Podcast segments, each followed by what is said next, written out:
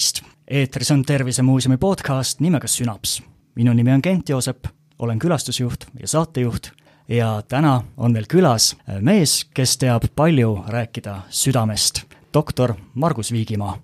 doktor Viigimaa on Põhja-Eesti Regionaalhaigla südametervise kabineti ülemarst, kardioloogiakeskuse teadusjuht, samuti professor Tallinna Tehnikaülikoolis, sealses kardiovaskulaarse meditsiini keskuses ja palju-palju-palju asju on, on töös veel, tervist! tervist! alustaks natuke laiemalt seda juttu, viimased aastad inimestele maailmas, Eestis on olnud küllaltki muutlikud. on olnud küllaltki palju stressi, palju teadmatust, milline mõju on sellel olnud südametervisele? Jah, tõesti, kõik see Covidi periood, siis nüüd see sõda, inimesed on muutunud ärevamaks, nad on äh, depressiivsed vahel, nad on kehakaalus võtnud juurde, patsiendid räägivad seal paar kilo, kolm kilo, neli kilo, siis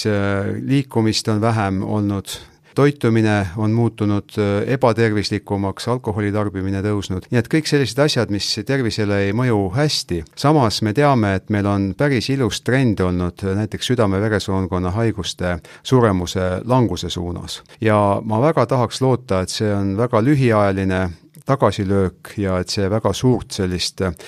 halba äh, suunda ei võta, aga kindlasti ta südame tervist äh,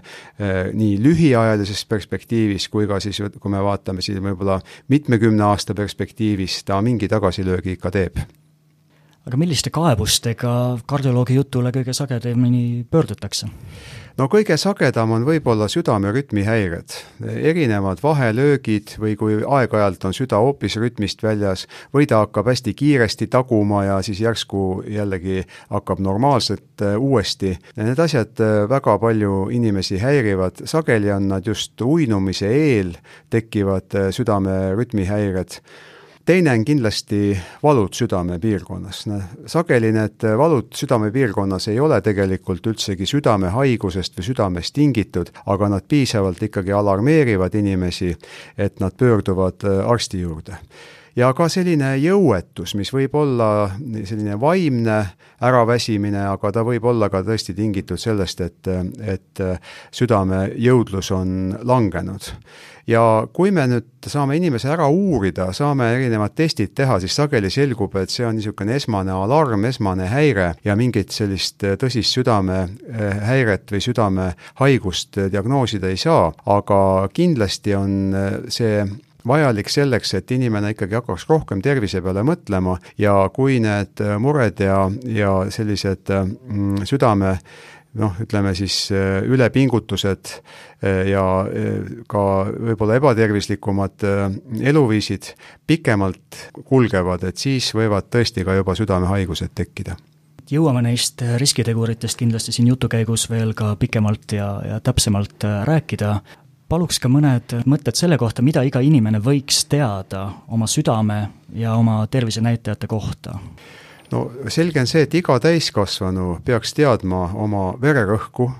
peaks teadma kolesterooli väärtust ja samuti, kui palju on head, kui palju on halba kolesterooli. nüüd on tulnud juurde ka üks uus äh, riskitegur, mis on peaaegu sama oluline kui halb kolesterool ja selle nimi on lipoproteiin A.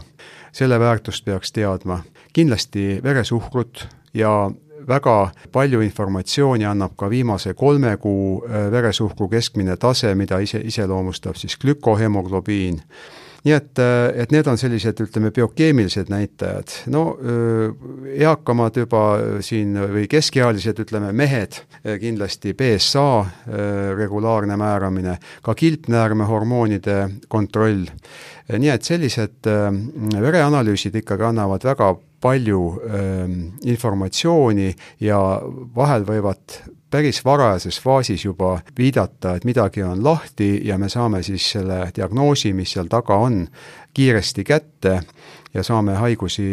väga efektiivselt ravida ja hoida ära tüsistuste teket. ja südame mm, enda uuringutest äh, sõltub väga palju sellest, et kui vana on inimene, EKG võiks olla elus korra tehtud, et siis, kui midagi juhtub hiljem, me saame näha, et, et kuna siis oli veel kõik korras, kui ikkagi on tegemist mm, sellise kehaliselt aktiivse äh, inimesega ja eriti, kui on mingisugune aeg läinud mööda, kui ta, kui ta, kui ta vahepeal ei ole võib-olla nii aktiivne olnud, tüüpiline on see, et, et kooli ajal on ikkagi inimesed ja ülikooli ajal veel äh, aktiivsed, aga siis läheb äh, mingi aeg mööda ja siis kuskil kolmekümne viie, neljakümne aastaselt tahetakse uuesti hakata treenima, et siis võiks teha küll koormustesti enne. et siis on näha, kuidas, äh,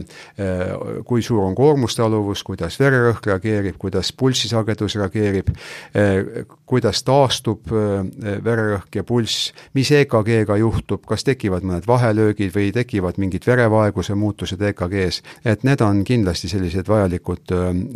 uuringud, aga sellisemaid põhjalikumaid uuringuid, seda ikkagi peaks juba kardioloog määrama, kui selleks vajadus on. Mõne kuu eest ilmus üks suurepärane raamat nimega Terve südame raamat, mille autorid olite siis teie ja ka Toivo Tänavsuu seal ära mainitud ja üks selliseid kõlavamaid väiteid oli ehk see, et Eestis igapäevaselt vererõhutablette tarvitab umbes kolmsada tuhat inimest. tundub meeletu hulk, kuidas seda kommenteerida, et miks see vererõhk meil siis nii kõrge ikkagi on? jaa, see on tõesti väga suur hulk inimesi, aga pigem ma ikkagi kommenteeriks seda just nagu positiivse poole pealt, et äh, adekvaatne vererõhuravi, mis meil praegu Eestis on ikkagi täiesti mm, igapäevaselt käimas, aitab ära hoida väga palju ajuinsulte ja ka südameinfarkte. et kui ma võrdlen äh, aastaga näiteks tuhat üheksasada üheksakümmend viis, kui me asutasime Eesti Hüpertensiooniühingu ja ma olin selle ühingu esimene president, et siis äh, me ei saanud üldse oma hüpertensiooniravi näiteks Soome või Rootsi äh, inimeste, patsientide raviga võrrelda ja mulle tundus väga müstiliselt suur see patsientide arv, kes said igapäevast ravi Rootsis ja Soomes, nende ühingutega meil olid väga tihedad äh, sellised sidemed, me tegime ühiskonverentse sageli ja me kasutasime tol ajal lühitoimelisi paljude kõrvaltoimetega äh, preparaate, mida noh, praegu me kasutame ainult erandjuhtudel ja, ja, ja võib-olla mingites erisituatsioonides.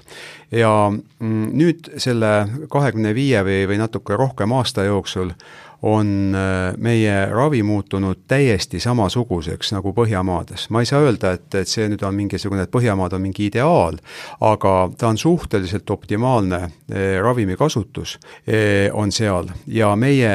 kui me vaatame, kui palju elanikkonnast on kõrgenenud vererõhuga, me oleme suhteliselt sarnased Rootsi ja Soomega. ja ka need ravimid, mida me kasutame, on tegelikult praktiliselt samad. nii et äh, vererõhk on ju kõige rohkem invaliidsust ja suremust põhjustav äh, haigus või tegur üldse maailmas. ja kõik need riigid, äh, mitte ainult Põhjamaad, vaid kogu maailma äh, arenenud riigid ja ka nüüd arengumaad järjest rohkem, on hädas sellega, et vererõhk kipub tõusma ja kahekümnenda sajandi, möödunud sajandi siis äh, teise poole võib-olla üks kõige suuremaid saavutusi meditsiinis oligi see, et adekvaatselt hakati ravima vererõhku. ja mida on näidatud suurte uuringutega, on see, et kui patsient on adekvaatsel ravil, ta saab äh, vererõhud äh, viia eesmärkväärtusteni, normaliseerida vererõhud, siis äh, selline jääkrisk, mis jääb, on väga väike, et see risk langeb peaaegu samale tasemele kui normaalse vererõhuga inimesel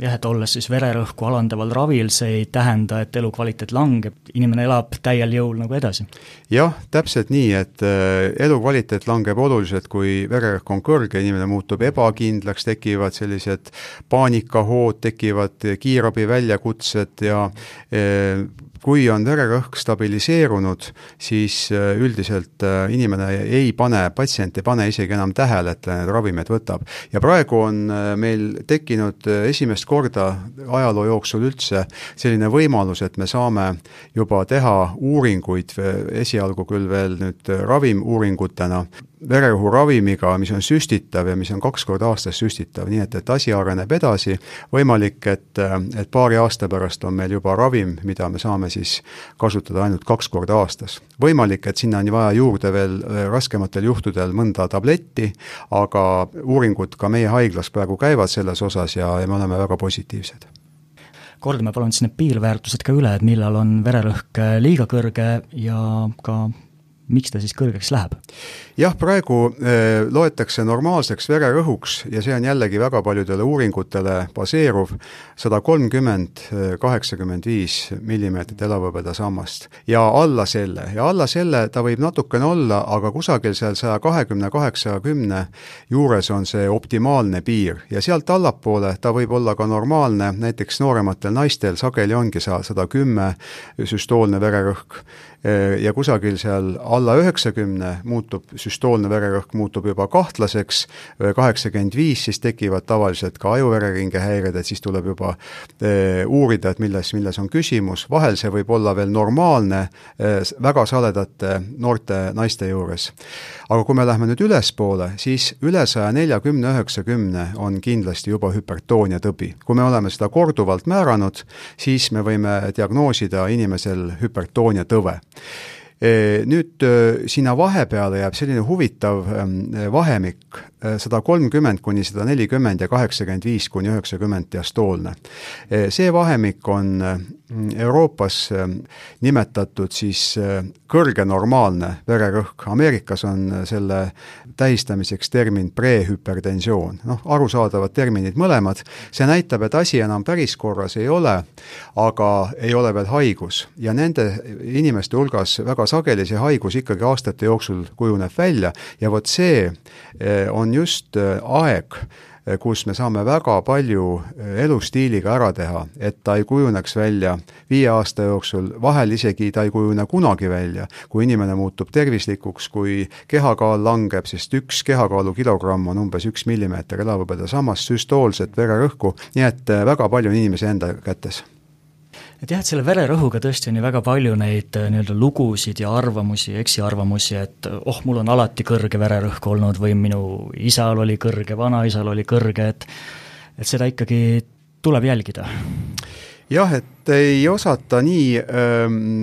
selle vererõhu kahjustavat toimet ikkagi mm, ära tabada. ja tundub, et enesetunne on ju hea ja tegelikult ongi hea. kusagil äh, kuni saja kuuekümne sajani on selline päris hea enesetunne, sealt edasi kuni saja kaheksakümneni tavaliselt tekivad ajuvereringe häired, tekib selline äh, surumistunne peas aeg-ajalt või tekivad sellised vedurisahinad, suhinad peas. Aga selline sada kuuskümmend, sada jah, et, et inimene tunneb ennast hästi, hakkame vererõhku langetama, vahel esimeselt, esimese aja hooga on veel äh, enesetunne kehvem. Ja siis tekibki, et võib-olla see pole mulle ette nähtud, aga tegelikult, kui me vaatame, siis arterid ei ole ette nähtud sellise kõrge vererõhuga elamiseks, sest arteriseina kihid, eriti see sisemine eh, endoteel, on eh, väga tundlik ja ta kaotab ära oma kaitsevõime, kui vererõhk on liiga kõrge. just kui me näiteks võrdleme artereid ja veene, siis veenides ei teki mitte kunagi lupjumist, aga arterites tekib väga kiiresti lupjumine, eriti kui vererõhk on kõrge. ja just mm, me saame aru, et, et kolesterool ja veresuhkur on ju nendes mõlemas veresoonte tüübis on ju samasugune inimesel, noh praktiliselt samasugune. aga just sellest rõhus on, on väga, väga suur erinevus. nii et äh, vererõhu kahjustav toime on oluliselt suurem, kui me oskame sellele tähelepanu pöörata kahjuks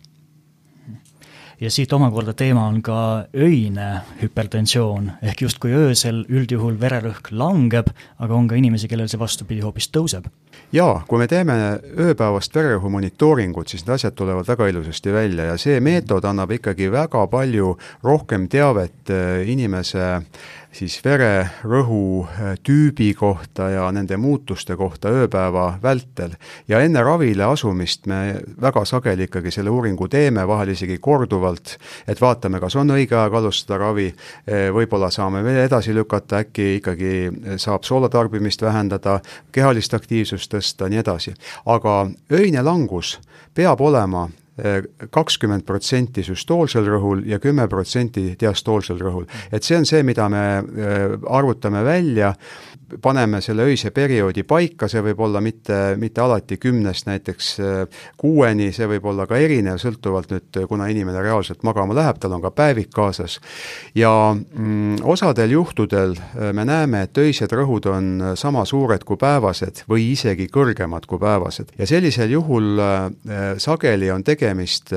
neeruhaigusest tingitud vererõhu tõusuga, aga seal võib olla ka muid põhjuseid. vahel on ka nii, et, et patsient ei adapteeru aru selle aparaadiga hästi ära, ta ärkab kogu aeg üles, see aparaat häirib teda väga, nii et kindlasti tuleb küsida eh, siis patsiendi käest, kes on selle uuringu läbinud, et kuidas ta äh, ennast tundis, kuidas ta magas, aga selline öine vererõhu äh, kõrgenemine ei ole hea märk. see näitab, et midagi on äh,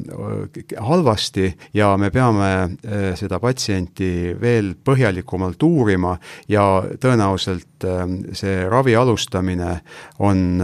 veelgi selline noh, hädapärasem ja kindlasti elustiil on oluline, oleme siin korduvalt sellest ka rääkinud, et on näite, kus veel piisab elustiili korrigeerimisest, et on see siis liikumine, on see toitumine, puhkamine, lõõgastumine, jaa, väga palju ikkagi, viiskümmend protsenti on meie enda kätes ja nagu ma enne ütlesin, need kolm kõige suuremat äh, mõjurit on siis soolatarbimise vähendamine alla viie grammi ööpäevas, kogu sool, mitte see, mis me toidule peale nii-öelda veel täiendavalt siis paneme, äh, siis kehakaalu langetamine, kui on kõrgema kehakaaluga tegemist, ja e, ka kehaline aktiivsus ja see e, kehaline aktiivsus annab väga palju juurde. E, miinimum on see, et kolmkümmend minutit reibast kõndi päevas pluss kaks korda nädalas mingi lemmikharrastusega tegelemine, selline vähemalt tund aega. see on nüüd selline miinimum, aga uuringud näitavad, et kui harjutuskordasid on nädalas näiteks kolm või viis, siis vererõhk veelgi rohkem langeb ja just kõik patsiendid räägivad suure rõõmuga ja õhinaga, et vot, treeningu järgselt läksid vererõhud nii ilusaks. et see näitab, et veresooni on vaja treenida ja tõesti, äh, need äh, mittemedikamentoossed mõjustused Äh, elustiili parandamine, see ei ole ju ainult vererõhk, see tegelikult on kogu inimese tervise äh, parandamine, tervisevaru suurendamine.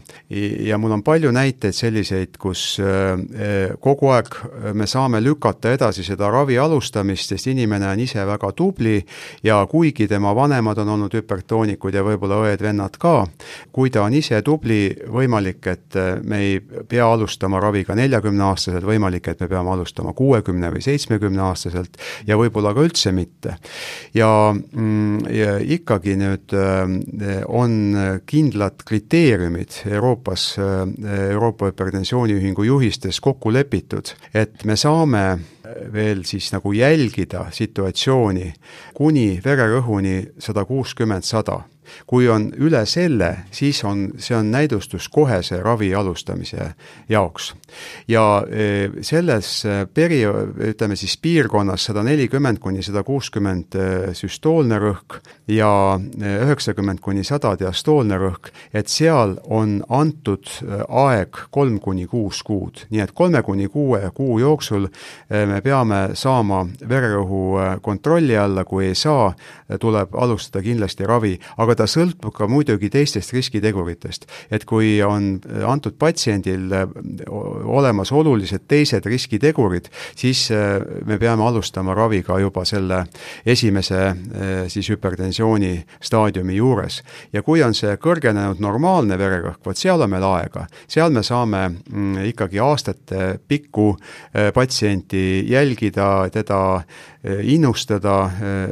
tervislikult elama ja väga väga sageli ikkagi aastaid ja aastaid ei ole vererõhuravi veel vaja.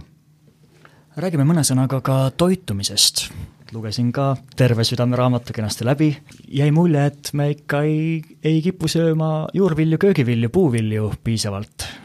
Jaa, ja eriti käib see meeste kohta kahjuks, et äh, kui me vaatame nüüd Eesti statistikat, siis äh, naiste osas asi ei ole nii halb ja tasapisi on läinud äh, see paremaks ka meeste osas, aga ikkagi me jääme väga-väga palju kaugele näiteks Vahemeremaadest ja just see Vahemeremaade dieet, kus puu- ja köögiviljad, juurviljad on, on väga olulisel kohal on näidanud äh, südame-veresoonkonna haiguste ennetamise seisukohalt kõige paremaid tulemusi ja ta on, on jõudnud UNESCO äh, nii-öelda tunnustuseni, ta on jõudnud ravijuhistesse, südame-veresoonkonna Euroopa ennetusjuhistesse. Ja peaks olema siis üle kahesaja grammi, vähemalt kakssada grammi juurvilju ja vähemalt kakssada grammi puuvilju igapäevases toidus ja soovitavalt siis kahe-kolme erineva toidukorra juures siis serveeringuna. nii et äh, see on see, mida, kuhu me peaksime pürgima ja samuti on leitud, äh, et äh, keedusoola sisaldus peaks olema alla viie grammi, nagu oli ka enne juba juttu, aga kiudained kolmkümmend kuni nelikümmend viis grammi. siis äh, tuuakse ära äh, ravijuhistes ja sellel on kindel tõendus, et äh, äh, liha ei tohiks olla nädalas toidus rohkem kui kolmsada viiskümmend kuni viissada grammi, sõltuvalt inimese kehakaalus, ja eriti töödeldud liha. ja selle peaks võimalikult palju asendama kalaga, nii et kala vähemalt korra nädalas, soovitavalt isegi kaks korda nädalas ja see võib olla ka rasvane kala. rasvane kala on veresoontele, arteritele just lupjumisvastane, kuigi ta on kaloririkas, aga see rasv on arteritele väga kasulik, hoiab ära lupjumise teket ja alkoholi tarbimine eh, viimastes juhistes eh, kuni sada grammi nädalas, no mis tähendab enam-vähem ühte pokaali veini eh, päevas maksimaalselt ja, ja see oleks siis sellise, nagu see Prantsuse paradoksi põhiselt, et ta peaks olema toidukorra, korra juures ja, ja, ja igapäevaselt, mis Eestis on ikkagi suhteliselt selline nagu, nagu harv. ja üks asi veel, et soovitatakse kolmkümmend grammi pähkleid, et see on ka jällegi täiesti tõenduspõhine, aga nad peaksid olema kindlasti soolamata pähklid. ja toitumisega seoses ka kolesterool, räägitakse nii-öelda jutumärkides siis heast ja halvast kolesteroolist. jaa, kõik äh, inimesed peaksid ikkagi teadma mitte ainult üldkolesterooli numbrit, vaid peaksid teadma ka hea ja halva kolesterooli äh, näitajaid. ja sageli me näeme, et see hea kolesterool võib mingil määral ikkagi kompenseerida seda halva kolesterooli kõrgemat taset, aga see on ainult mingil määral. ja normid, nagu me siis teame, on halval kolesteroolil kolm millimooli liitris, heal kolesteroolil vähemalt üks, naistel soovitavalt isegi üle ühe koma kahe millimooli liitris, samas need, kes tegelevad spordiga, sageli me näeme kaks, kaks pool isegi millimooli liitris head kolesterooli. nii et eh, kõik see kogu kompleks tuleb läbi vaadata, ja, ja mõelda, et, et mis on selle konkreetse inimese teised riskitegurid, me ei saa vaadata kolesterooli numbrit eraldiseisvana, et mis numbri juures me hakkame ravima, mis numbri juures me midagi hakkame tegema. et inimese tervist tuleb vaadata kompleksselt kogu tervikuna just, mulle meeldis väga üks mõte teie varasematest intervjuudest, et me küll jah, määrame vererõhku, aga me peaks rohkem mõtlema ka selle peale, miks tal see vererõhk tõuseb, et mis need tegurid seal on. jaa, ja vererõhk on selline summaarne näitaja, et ega seda vererõhku on ju äh, organismil vaja selleks, et aju korralikult ära varustada, samuti südant ennast ja ka neerusid. ja e, organism väga hästi kontrollib ja jälgib, et kas kõik toitained tulevad kohale, kas piisavalt saab aju verd, kas neerud saavad piisavalt verd ja kui seda e, verevarustust on natuke vähe, siis antakse käsk, et pange rõhku juurde. ja e, vahel me võime isegi teha halba, kui me liigselt rõhku vähendame. nii et kogu see organism on üks tervik ja öö, kuskil on on mingis mehhanismis on vead sees, siis me peame selle äh, vigase mehhanismi üles leidma ja, ja hakkama se-, seda parandama, et see on sageli selline põhjuslik äh, ravi. et äh, kui me lihtsalt ähm, tagajärgedega tegeleme, et võtame vererõhu maha, et siis see vahel ei olegi hea ja eriti vanematel üle, üle kuuekümne viiestel, aga eriti üle kaheksakümneaastastel inimestel tuleb selle väga agressiivse vererõhu langetamisega olla eh, ettevaatlik. Ja me võime saavutada hoopis vastupidiseid tulemusi. Jah, keha on tervik, kuid ometi millegipärast, kui inimesed on nooremad, noh, ma jälle üldistan, inimesed kõik on erinevad, aga aga võib ju tunduda, et kõik need hädad juhtuvad kellegi teisega kusagil mujal, et minul praegu on, on hea ja tore olla, teen, mis tahan justkui, on teil mõni soovitus ka, ka noortele, et noh, mis, mis paneks mõtlema, mis motiveeriks, mis aitaks hoida motivatsiooni tervislike valikute tegemisel? jah, kui ma vaatan arstina, siis äh, ega noh, päris noored, ütleme kahekümne, kolmekümne vahel eriti ei mõtle ju tervisest ja, ja kõik on ju hästi. Mm, -hmm aga isegi nii noores eas inimestel tuleks tervisest mõelda, eriti kui on olnud lähisugulastel väga noores eas infarkte, meil on siin kolmekümne, neljakümne aasta vanuses infarkte isegi alla kolmekümne Eestis, isegi, isegi vahel on see olnud alla kahekümne, sellisel juhul on tegemist perekondliku hüperkolesteroleemiaga sageli, kus on ülikõrged kolesterooli väärtused. nii et see on kindlasti üks, see pärilikkus on üli, ülioluline, et vaadata, kuidas on lähisugulastel läinud. E, ja teine asi, et kui on ikkagi teada, et peres on väga kõrged kolesterooli väärtused, et siis on praegu võimalik teha geenianalüüsi, määrata, et kas see perekondlik hüperkolesteroleemia on ka geneetiliselt kinnitunud ja kui me leiame, et äh, noorel inimesel on äh, perekondlik hüperkolesteroleemia, mis on positiivse geenitestiga, siis tema risk haigestuda müokardiinfarkti või ka ajuinsulti on kaks pool kuni kolm korda kõrgem. ja kusagil praeguste meetoditega me oleme võimelised äh, tuvastama kuuskümmend kuni kaheksakümmend protsenti. nii et äh, veel on mingisugune hall tsoon, mida me kahjuks ei ole, mingi geenidefekt on, mingi põhjus on, aga me ei suuda seda praegu kindlaks teha. Nii et need on kindlasti asjad, mis on väga noorel inimesel juba vajalikud tegelikult määrata, kui, kui, kui risk on väga kõrge. aga selline ennetuse äh, kõige parem periood meestel on kolmkümmend kuni viiskümmend, et see on see iga, kus äh, saab väga palju äh, tervist parandada, saab edasi lükata seda võimalikku ähvardavat infarkti või südamehaigust ja naistel on see nelikümmend kuni kuuskümmend, nii et naiste eh, sellised ikkagi suguhormoonid kaitsevad neid ja nai-, naise organism on niimoodi loodud, et et, eh, et jumal kaitseb teda palju paremini kui meest selles vanuses. ja ütleme nii, et eh, need vanusevahemikud on tõesti väga sobivad ja siis inimene tavaliselt juba ka suhtub äh, suurema vastutustundega, sellepärast et tekivad esimesed sellised kõrvalekalded, äh, tekivad esimesed probleemid, ma enne rääkisin, et südamerütmi häired võivad tekkida, mingid valud ringkeres, ta võib pöörduda arsti juurde, me teeme koormustesti, siis leiame, et kolesterool on kõrge. ka veresuhkur võib isegi kõrge olla, kui on ülekaaluline inimene. kaalu peaks kindlasti hakkama jälgima. just ma lugesin siin viimaseid äh, statistikaandmed, et näiteks vahemikus kolmkümmend viis kuni nelikümmend neli on oluliselt äh, meestel rasvunute osakaal suurenenud. nii et see on täitsa suureks probleemiks, see ei ole mitte ainult mitte Eestis, see on kogu maailmas, aga Eesti ka läheb vaikselt järele, me oleme Euroopa keskmikud, aga ega uhkust ei saa selle üle tunda, sest, sest ega äh, statistika on aasta-aastalt läinud viletsamaks, sellepärast et ekraaniaeg on suurenenud, liikumisvaegus, noh ütleme, on neid, kes teevad väga tublisti trenni, aga keskeltläbi ikkagi väga paljud on täiesti passiivsed. ja, ja toitu toitumine kipub ikkagi olema selline, mm, armastatakse soolast, rasvast ja suhkrurikast äh, toitu ja, ja kui motivatsiooni ei ole, on, on väga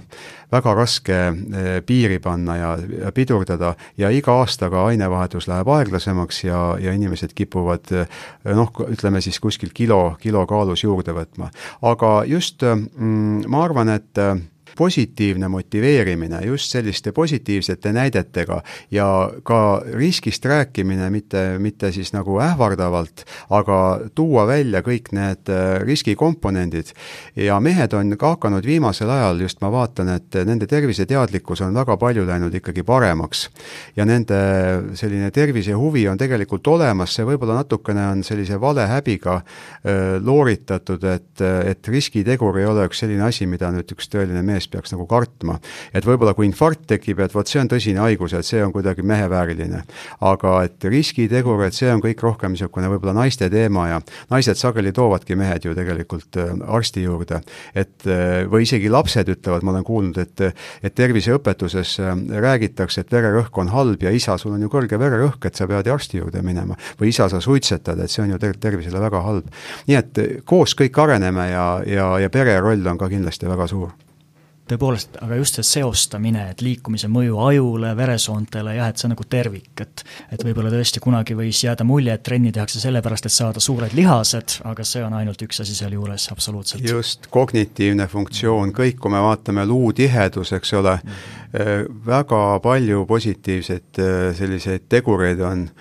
ja äh, inimene, kes ähm, teeb regulaarselt kehalist treeningut, et tema Eh, vaimse töövõime läheb ikka nii palju suuremaks ja stressitaluvus paraneb, uni läheb nii palju paremaks, depressiooni on tunduvalt vähem, nii et neid aspekte on nii palju, uneapnoe on üks näiteks üks selline teema, kui inimesed on ülekaalulised, siis uneapnoe võib täiesti niivõrd suurel määral kahjustada südant ja veresooni, ta võib tekitada hüpertensiooni sageli, rääkimata rütmihäiretest, mis siis selliste hingamispeetustega kaasnevad. nii et eh, jällegi üks valdkond, kus äh, praegu äh, uuringuid tehakse inimestele väga palju, äh, need, kes norskavad,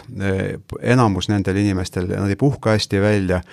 on ikkagi uneapnoe ja kui see on äh, arvestatavalt äh, kõrgel tasemel, siis äh, on ka sellised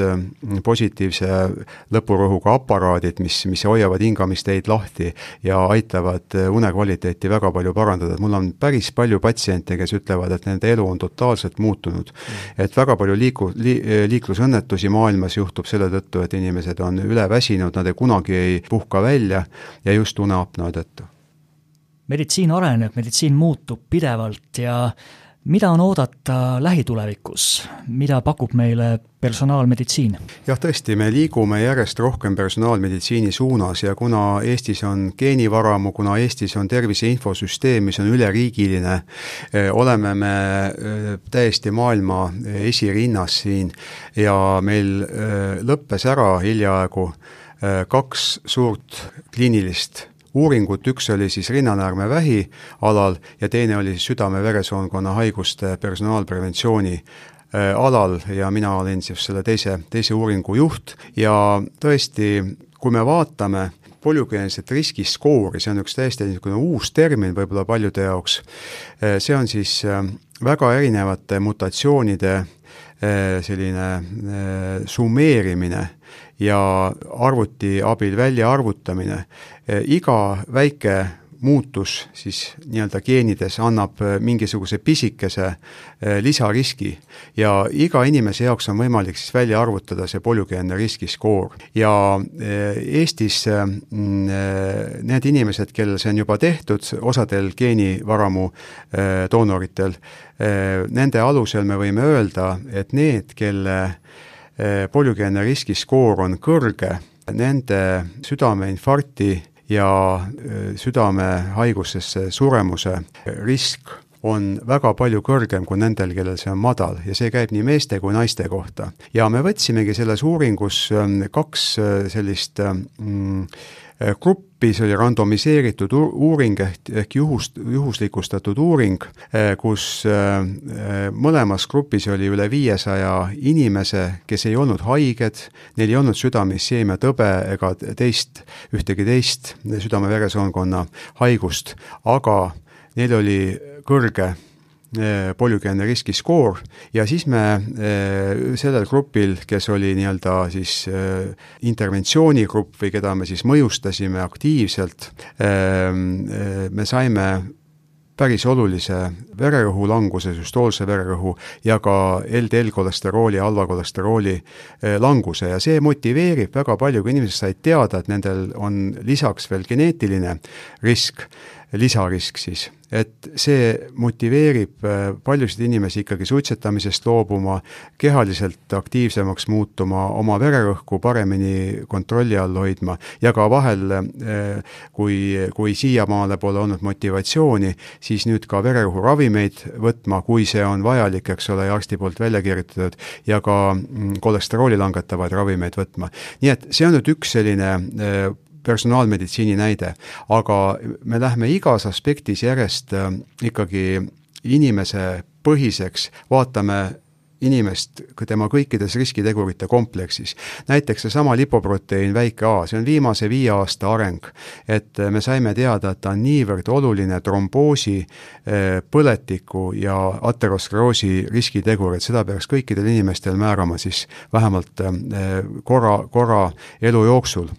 Äh, siis äh, mm, väga palju äh, me saame järjest rohkem teada selle kohta, et milliste geenivariantide korral mõned ravimid ei ole näidustatud või jällegi, millised ravimid võivad anda paremat tulemust, näiteks needsamad statiinid või uued bioloogilised kolesterooli langetavad ravimid, nende kohta on ka näidatud, et kõrgema polügeense riskiskoori korral nad on, on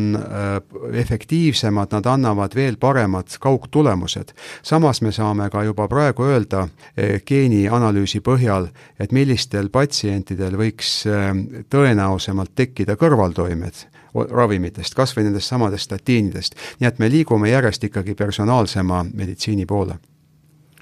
on lisandunud ka põnevaid mobiilirakendusi näiteks, noh küll on sammulugejaid ja küll on ka vist tõesti vererõhu määrajaid, ma ei oska ise hinnata, kas nad töötavad või mitte, olete nendega kokku puutunud? jaa, eh, ma olen eh, päris palju selle eh, arenguga kaasas käinud ja erinevaid asju ka ise arendanud siin Eestis. ma ütleks niimoodi, et kõik mõõdetavad suurused,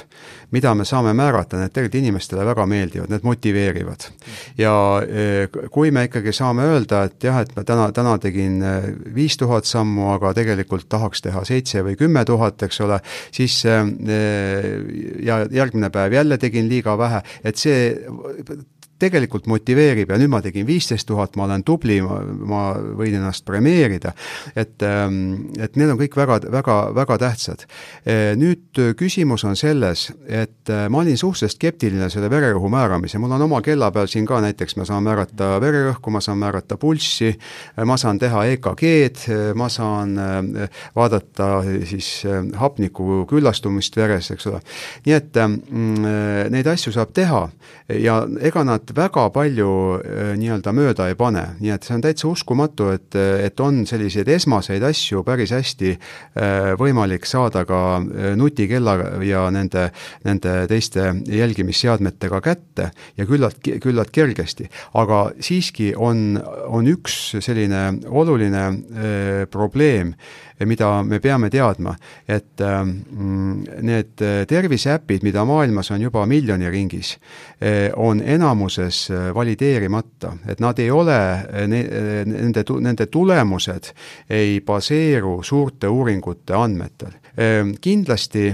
on järjest rohkem abi nendest vererõhumäärajatest, mis eh, kolmekordse määramise tulemusena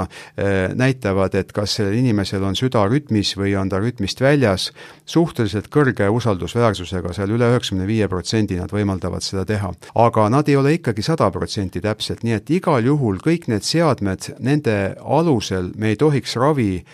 muudatusi või ravisoovitusi teha. aga nad annavad lisainformatsiooni ja kui nüüd see inimene tuleb äh, arsti juurde ja tal on vahepeal jälgimise andmed, siis see annab väga-väga palju arstile rohkem informatsiooni ja, ja mõtteainet, et kuidas seda inimest veelgi paremini ravida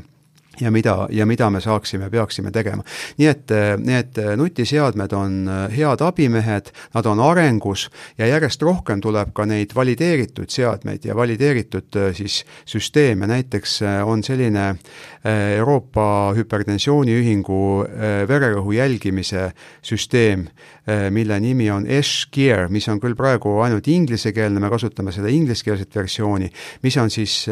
valideeritud ja mille põhjal me saame öelda, et kui me seda kasutame hüpertooniku jälgimisel, siis aja jooksul vererõhud lähevad paremini kontrollituks, inimene võtab rohkem ühesõnaga vastavalt ettekirjutusele tablette ja kehakaal näiteks on leitud, et, et kui inimene jälgib oma kehakaalu, siis see hakkab langema vaikselt, kui ta peab iga päev sisestama, et mitu sigaretti ta suitsetas, siis sigarettide arv hakkab langema. nii et, et kõik need asjad on, on olulised abimehed, nad aitavad patsienti ja nad aitavad ka arsti raviotsuste tegemisel. üks uus ravimiliik, korraga mainisite, statiinid olen kuulnud, et palju inimesi on pisut skeptilised, palju inimesi, ma ei tea, kas kardavad, väldivad mis need on, mida need teevad, kellele need on suunatud? jah, need ei olegi nii väga uued, et äh, iseenesest on nad juba ikka päris kaua kasutusel olnud Euroopas ja Põhja-Euroopas eriti äh, tulid nad äh, väga laialdaselt kasutusele peale selle, kui tuhat üheksasada üheksakümmend neli avaldati mm,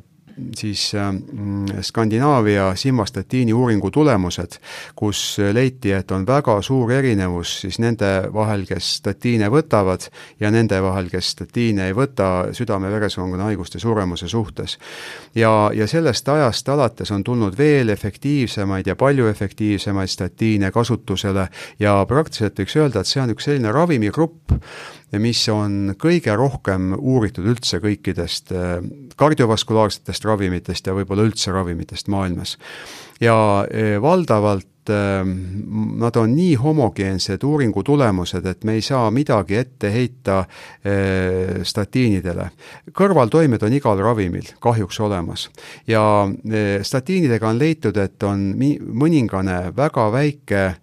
diabeedi tekkeriski tõus, aga see äh, on äh, täiesti selline teisejärguline, kui me vaatame et, et nelikümmend, viiskümmend protsenti langetavad statiinid südame-veresoonkonna relatiivset riski. Ja et seda on nii Ameerika kui Euroopa ravimiametite poolt korduvalt öeldud, et me ei peaks neid ravimeid kartma. kui me vaatame statistikat, siis nagu enne oli juttu, et vererõhuravimeid Eestis on samasugune kasutus nagu Rootsis ja Soomes, siis statiine me kasutame kaks pool korda umbes vähem. see on ta-, ikkagi selline, paljud inimesed on juba nagu eelhäälestunud, et, et ju mul ikka tekivad kõrvaltoimed ja võivad tekkida ja ma ei tahaks neid hästi võtta ja kindlasti ega me, ega me ilmaasjata neid ravimeid ei määra, kindlasti kui on juba põetud südameinfarkt, me peame absoluutselt äh, täie äh, sellise äh, kindlusega langetama maksimaalselt kolesterooli näitajaid. ja isegi kasutama tänapäevast bioloogilist ravi, ma võin sellest ka mõne sõna veel rääkida. kui nüüd on esmane profülaktika või primaarne profülaktika, et kolesterool on küll kõrge, siis meil on palju rohkem sellist ähm, mõtlemist vaja siin, et mis see kogurisk on. ja on peresid, kus kolesteroolid on kõrged, aga tegelikult südame-veresoonkonna haigused ei ole, on mingid sellised geneetilised ja võib-olla ka biokeemilised kaitsetegurid, mida me kõik ei tunne veel eh, praegu.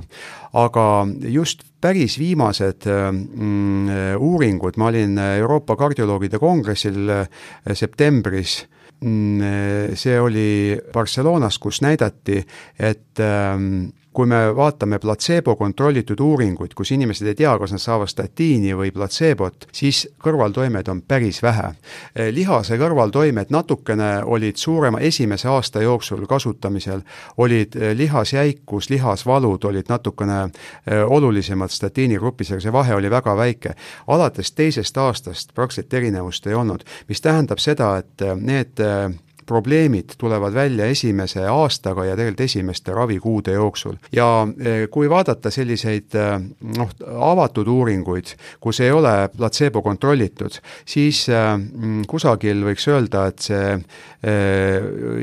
inimeste hulk või patsientide hulk, kes ei, ei talu statiine, et see on kusagil noh, kuni kümme protsenti. aga, aga see ei ole ikkagi nii laialdane, nagu, nagu sageli patsientide patsientide selline mure või, või see arusaamine on. ja mis, mida veel tuuakse välja Euroopa juhistes, et üle seitsmekümne viie aastastel inimestel me peame olema väga konservatiivsed alustamaks statiinravi. sellepärast, et kui see, seda juhul, kui nendel ei ole tekkinud seitsmekümne viienda eluaastani südame-veresoonkonna haigust. kui on tekkinud infarkt, on tekkinud ajuinsult, kui on näiteks esinevad stenokardiad või on leitud, et ultrahelile need suured naastud on kusagil aordis või mõnes muus arteris, hoopis teine, teine jutt, et ükskõik, mis vanuses on inimene ja eriti just eakamad inimesed saavad statiinidest veel tugevama kasu kui, kui nooremad või vähemalt sama tugeva kasu. aga me ei peaks alustama ravi ainult kolesterooli numbri pärast. Ja just eriti ma olen vaadanud, et sellised terviseteadlikud eakamad prouad on väga mures, et mul on kõrge kolesterool, ta iga kümnendiga läheb kõrgemaks ja kõrgemaks, et ma peaks alustama ravi. ja seal me peame olema suhteliselt konservatiivsed, sest siis ka vanemal inimesel neerufunktsioon halveneb, maksafunktsioon halveneb, et me peame täitsa mõtlema, võimalik, et on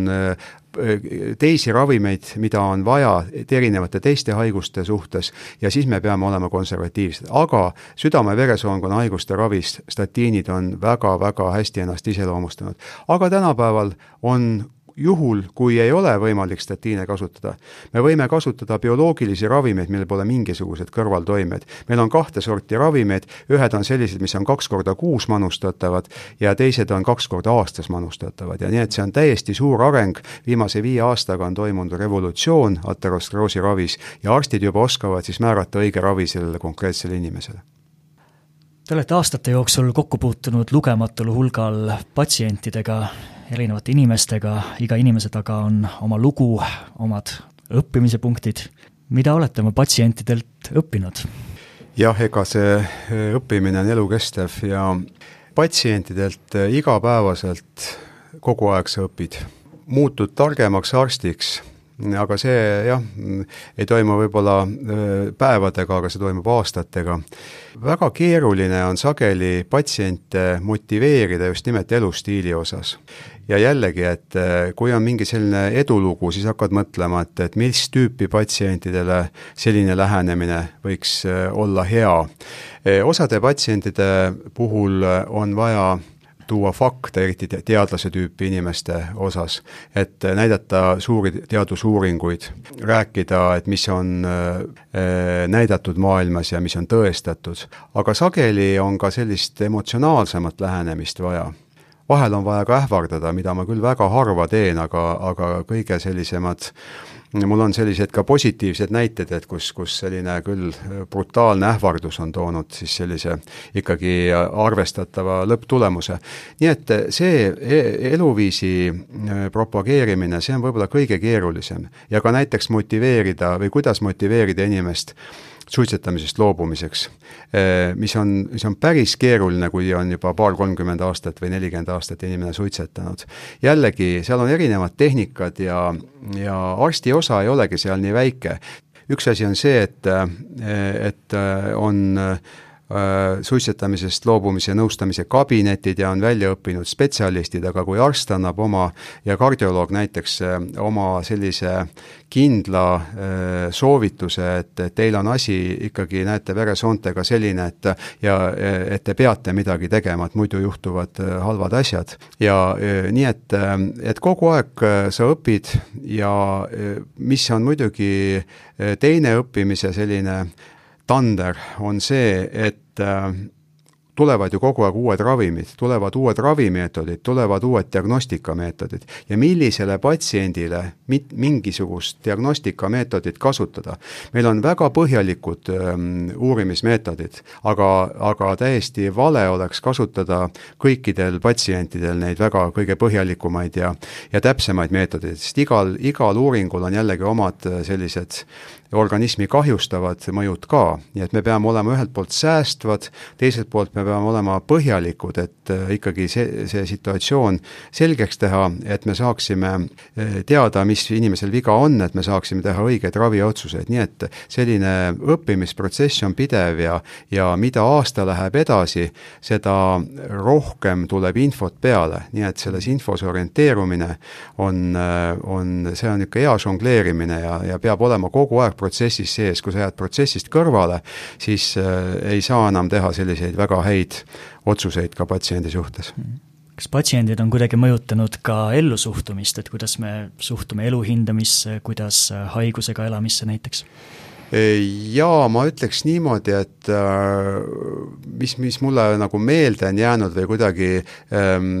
hinge sööbinud, on, on just, kui on äh, noored infarktihaiged ja kui pered tulevad, kui ma olin noor arst, eks ole, sellest ma õppisin tegelikult väga palju ja võib-olla sealt tuligi see, et ma ennetusse rohkem läksin, et hakkasin järjest rohkem ja rohkem tegelema äh, ennetusega, just selle äh, vererõhuraviga ja, ja, ja düslipideemia raviga. et sellest situatsioonist situatsioonist äh, õpid ise palju, äh, õpid ka seda, et kuidas seda peret toetada ja kuidas siis hiljem võib-olla seda eluviisi ja, ja kogu seda asja parandada ja, ja kuidas jär, järeltulijatel, kui on noor mingisugune kolmekümnendates aastates infarktihaige mees näiteks, et et kuidas, kuidas tema poega ja, ja noh, ka tütart, aga eriti po-, meesliini pidi on see eh, südamehaigus nagu Äh, siis äh, ikkagi olulisem ja, ja kiiremini võivad need äh, tüsistused tekkida. nii et see kõik, kogu see asi õpetab väga palju ja need positiivsed näited, mis on, väga palju tuleb meelde, et kus, kus on totaalselt inimene oma eluviisi muutunud, muutnud ja mis on sellest siis saanud ja ja kui ta kirjeldab seda, et kuidas ta ennast tunneb ja ja, ja kuidas, kuidas tema elu läheb, et et sellest õpid, õpid ja, ja seda õpetad siis ka teistele inimestele ja, ja muidugi ka, ka endale, sellepärast et eh, noh, mul on, mul on ikkagi see, mida ma räägin, et ma olen, ma olen veendunud, et, et see tegelikult on õige. ja vahel on ka nii, et äh, tuleb uut teavet juurde mõnes nüansis, ma hakkan mõnda asja ümber nii-öelda mõtlema ja ümber õppima ja siis ma hakkan ka vastavalt oma patsientidele õpetama seda uut nüanssi, mida ma olen ise tundma õppinud. Ja viimase küsimusena, kui inimene on tegus, kui inimene on toimekas, ta palju käib, palju teeb, palju jõuab, kipume teinekord ka läbi põlema. Kuidas ennast hoida, kuidas planeerida aega? jaa, see on üks keeruline küsimus ja need, kes on toimekad, võtavad endale järjest rohkem ülesandeid, nad teevad need ülesanded hästi ära, siis neile antakse veel rohkem ülesandeid, nii et see kohusetunne vahel kohe päris kõvasti paneb Äh, kogu vaba aja kinni, tehakse nädalavahetusel tööd, noh ma ka enda, enda näitel ütlen, et äh, ma heidan endale päris tugevasti ette, et äh, võtan liiga palju ülesandeid ja olen kohusetruu ja ja, ja siis ähm, mm, see tervisele kokkuvõttes hästi ei mõju, nii et, et et õnneks ma küll teen palju, noh suhteliselt palju sporti ja ja, ja toitun tervislikult, nii edasi, nii edasi. aga aja planeerimine ähm, tuleb ikkagi ähm, olla realist ja vaadata, et mis asjad saab ära teha ja, ja muidugi eh, on võimalik teha intensiivsemalt ja intensiivsemalt äh, tööd. ja ma enda näitel ka ütlen, et äh, mingi piirini on võimalik muutuda ikkagi noh, ma ütleks kaks korda vähemalt äh, kiiremaks ja intensiivsemaks. sa muutud kogenumaks, lahendad küsimusi kiiremini, aga sellele kõigele aitab kaasa, kui on piisavalt aega kehaliseks tegevuseks, et regulaarne tervisesport Äh, muudab äh, inimese ajutegevuse palju kiiremaks ja muudab ta sellises stressisituatsioonis vastupidavamaks, äh, aitab teha õigeid otsuseid. kui me jääme